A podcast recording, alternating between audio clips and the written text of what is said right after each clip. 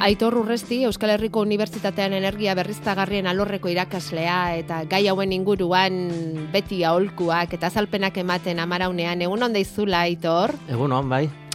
Zeiru itu zaizu? Oso, oso interesgarria, izate, oin, oin, oin dirala, ba, nik uste dut, azte pare bat, ez? E, klimaldaketarekin lotutako adierazleak zelan, gero eta txarragoak dira azaltzen egon ginenean, itzasoaren egoeraz baita ere, ba, bueno, egin genuen, ez? Eta azidifikazioa, e, manuk aipatutakoa, e, arazoen barre, barne sartu genuen baita ere, mhm. ez? Bai, ez zaitu ez ustean harrapatu, ez da? Ez, ez, nahiko, zoritzarrez, esan behar, nahiko ezaguna da, e, gutxienez, e, klimarekin lotutako zientzien munduan, ba, ozeanoak beti ez dakit, ez, ez ditugu larrei ezagutzen asteko eta badirudi hor dagoen gauza bat dela eta bakarrik, ba hori, udan ondartzatan egoteko erabiltzen dugula, ez? E, ba, bueno, arrainak eta eta gure janaria baita ere hortik dator eta nik uste dut e, arduratzeko e, elementu bat dela, bai, ez? E, ozeanotan gertatzen ari dena. Fauna eta flora izugarri handia ere bai, hori ere hor dago ozeanoetan.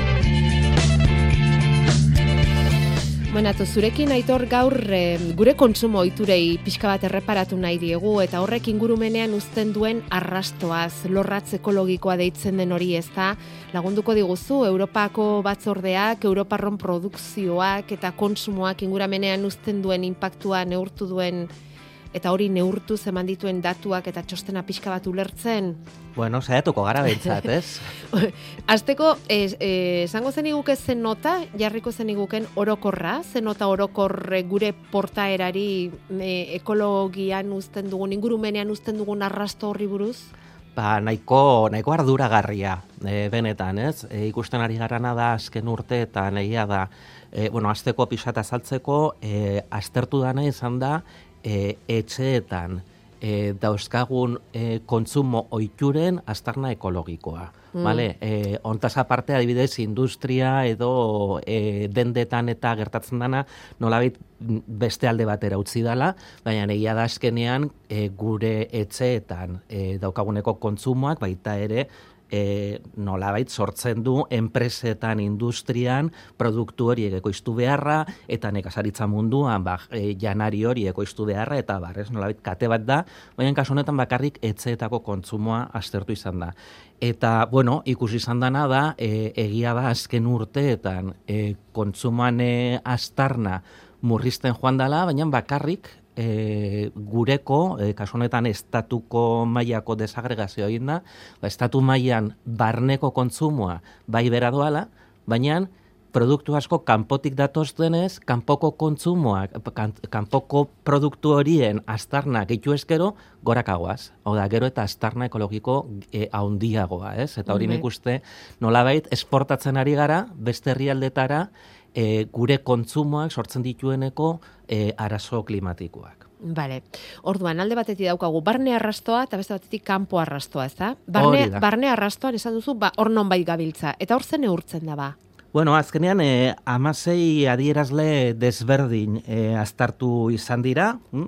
e, ba, bueno, besteak beste, ba, mm, produktu, e, produktu toksikoak, e, uraren kontsumoa, Aha, e, ba, bueno, partikulak, hau da, e, kutzadura aireko kutzadura, radiazioa, klimaldaketa orokorrean, bueno, hainbat elementu desberdin, ez? Ama mm -hmm. adierazle desberdin, eta horietatik nola bitoko ponderazio bat erabilita, bai. ba, mm, adierazle orokor bai. global bat sortu izan da. Bai, eta horrik usi dute, 2000 eta e, emezortzitik hogeira bitarte horretan, zuk esan duzun bezala, e, apurtxo bat jeitsi egin dela, e, arrasto hori edo uzten dugun lorratz hori. Hiru alorretan izan ezik da ur gezan, gizakion toxikotasunean eta baliabide mineral eta metalen impactuan. Hoiek albo batera utzita gainerako amairuetan ba hor non bai gabiltza.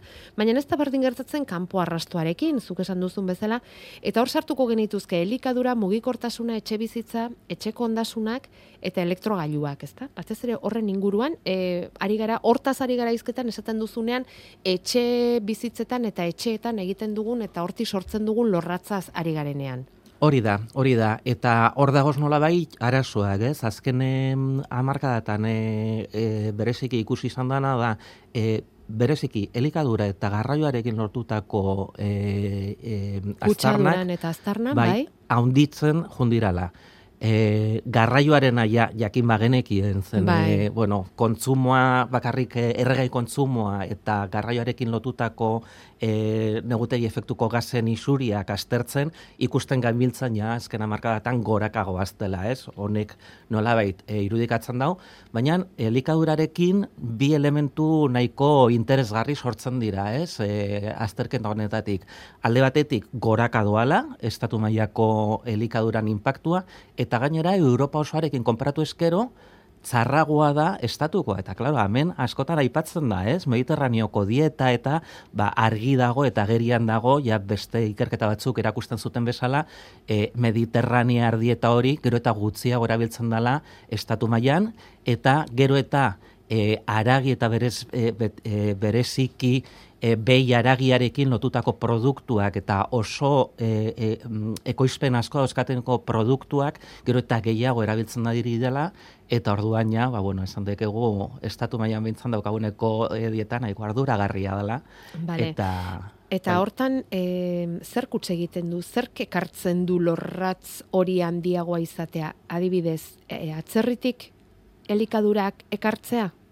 Hori ere hor sartuko litzateke?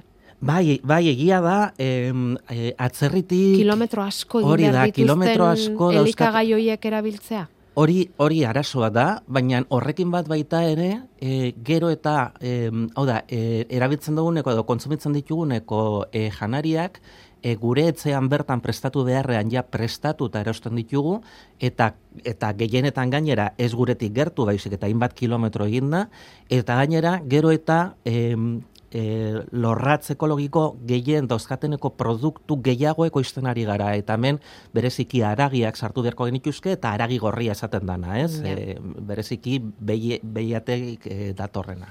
Bai, eta zergatik abeltzantza mm, jarri behar da lorratz handi horren fokopean? E, hemen betikoa ez, eta nahiko sartuko garzonen e, elementuekin txuletoia bai da ez, ezke ez da bardina, hau da, abezaltza esaten dugunean ez da bardina abezaltza industrial bat, eta abezaltza estentzibo eta tokiko abezaltza bat, ez? E, estatu mailan gero eta gehiago ikusten dira makrogranja hauek, e, gero eta eta nolabait gehiago edatzen ari dira eta hor daukagu ardura, baina hortaz aparte baita ere arazorik gabe jaten dugu Argentinatik edo Zelanda berritik datorrenek, datorreneko aragia eta hori ja ez da bakarrik e, oso e, intentzigoa dela, gainera nahiko distantziatik dator eta eta nolabait hortze bi e, astarna e, dauzkagu aldi berean, ez? Bata garraio- garraioarekin lotuta eta bestea baita ere, ba, mm, txuletoi kilo bat egiteak, ba, bueno, isuri asko eta kalte asko sortzen ditulako. Ja. Oie guztiak hartu beharko lirateke kontutan. Bueno, eta bestea zen mugikortasunarena, ezta? Bereziki, e, bi puntu hoietan e, uzten dela edo agertzen dela lorratz ingurumen lorratz hori kaltetzen duguna. Esan duzun bezala, horretan mm, ari gara ikasten eta bueno, ikasten ez dakit, baina kontzientzia zabaltzeko adina mezu jasotzen dugu, ezta bai elikadurari lotuta eta hor dauzkagu ba, kilometro zeroko e, ele- ekologiari lotutako hainbat e, ekoizpen gure inguruan geroz eta ugariagoa direnak, ezta? Ari gara pixka bat e, ikasten mugikortasunari buruz ba, garraio publikoari garrantzia ematen eta bar. Baina mm, zer, zer egin behar da? Zer egin dezake gu lorratza horren beste ez markatzeko aitor? Bueno, ba, behiratzen badugu, nik uste dut edo zein galdetu eskero, bueno, e, garraioa ez, eta guztiok pentsatuko genuke ez, egazkin gutxiago hartu behar dugu. Arazo ez dago, arazoa izatez dago diesel eta gasolinako turismo partikularretan. Horiek, da, horiek dira une honetan, aztarna gehien sortzen ari direneko e, bi sektoreak, ez? Egia da hirugarren aia hegazkinak dirala, eta gainera, haunditzen junda azken urteetan. E, diesela bai pixkanaka pixkanaka beherantza doala, gasolina, mm, bueno, segun ze urteetan hor dabil nahiko egonkortuta, baina bai beherantzako tendentzi txiki bat nabaritzen da, eta hegazkina gero eta jau. Baina noindik ere, hirugarrena izango litzateke ez, lehenengoa, lehenengoa diesela da, ez?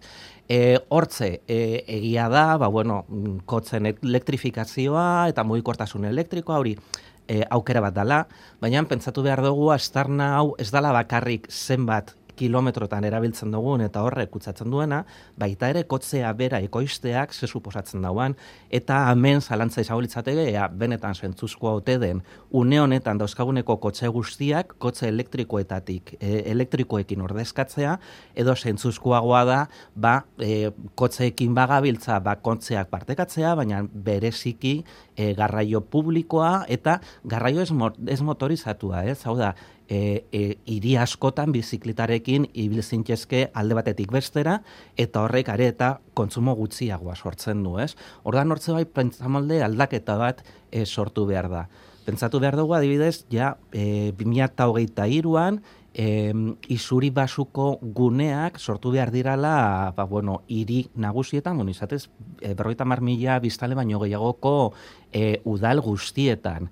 E, nik uste horrekin bat, e, etor litekela nolabait pentsamolde aldaketa bat eta eta benetan ba bueno garraioa beste modu baten erabiltzen hastia. Hemen entzule batek galdetzen dizu gasolinaren prezioak lortuko te du garraio publikoaren gorakada ba, e, neurri publikoak badira gasolinaren prezioa jaistea eta ez garraio publikoaren prezioa jaistea eta hobetzea, ez dut uste e, edo zer egingo lukenik.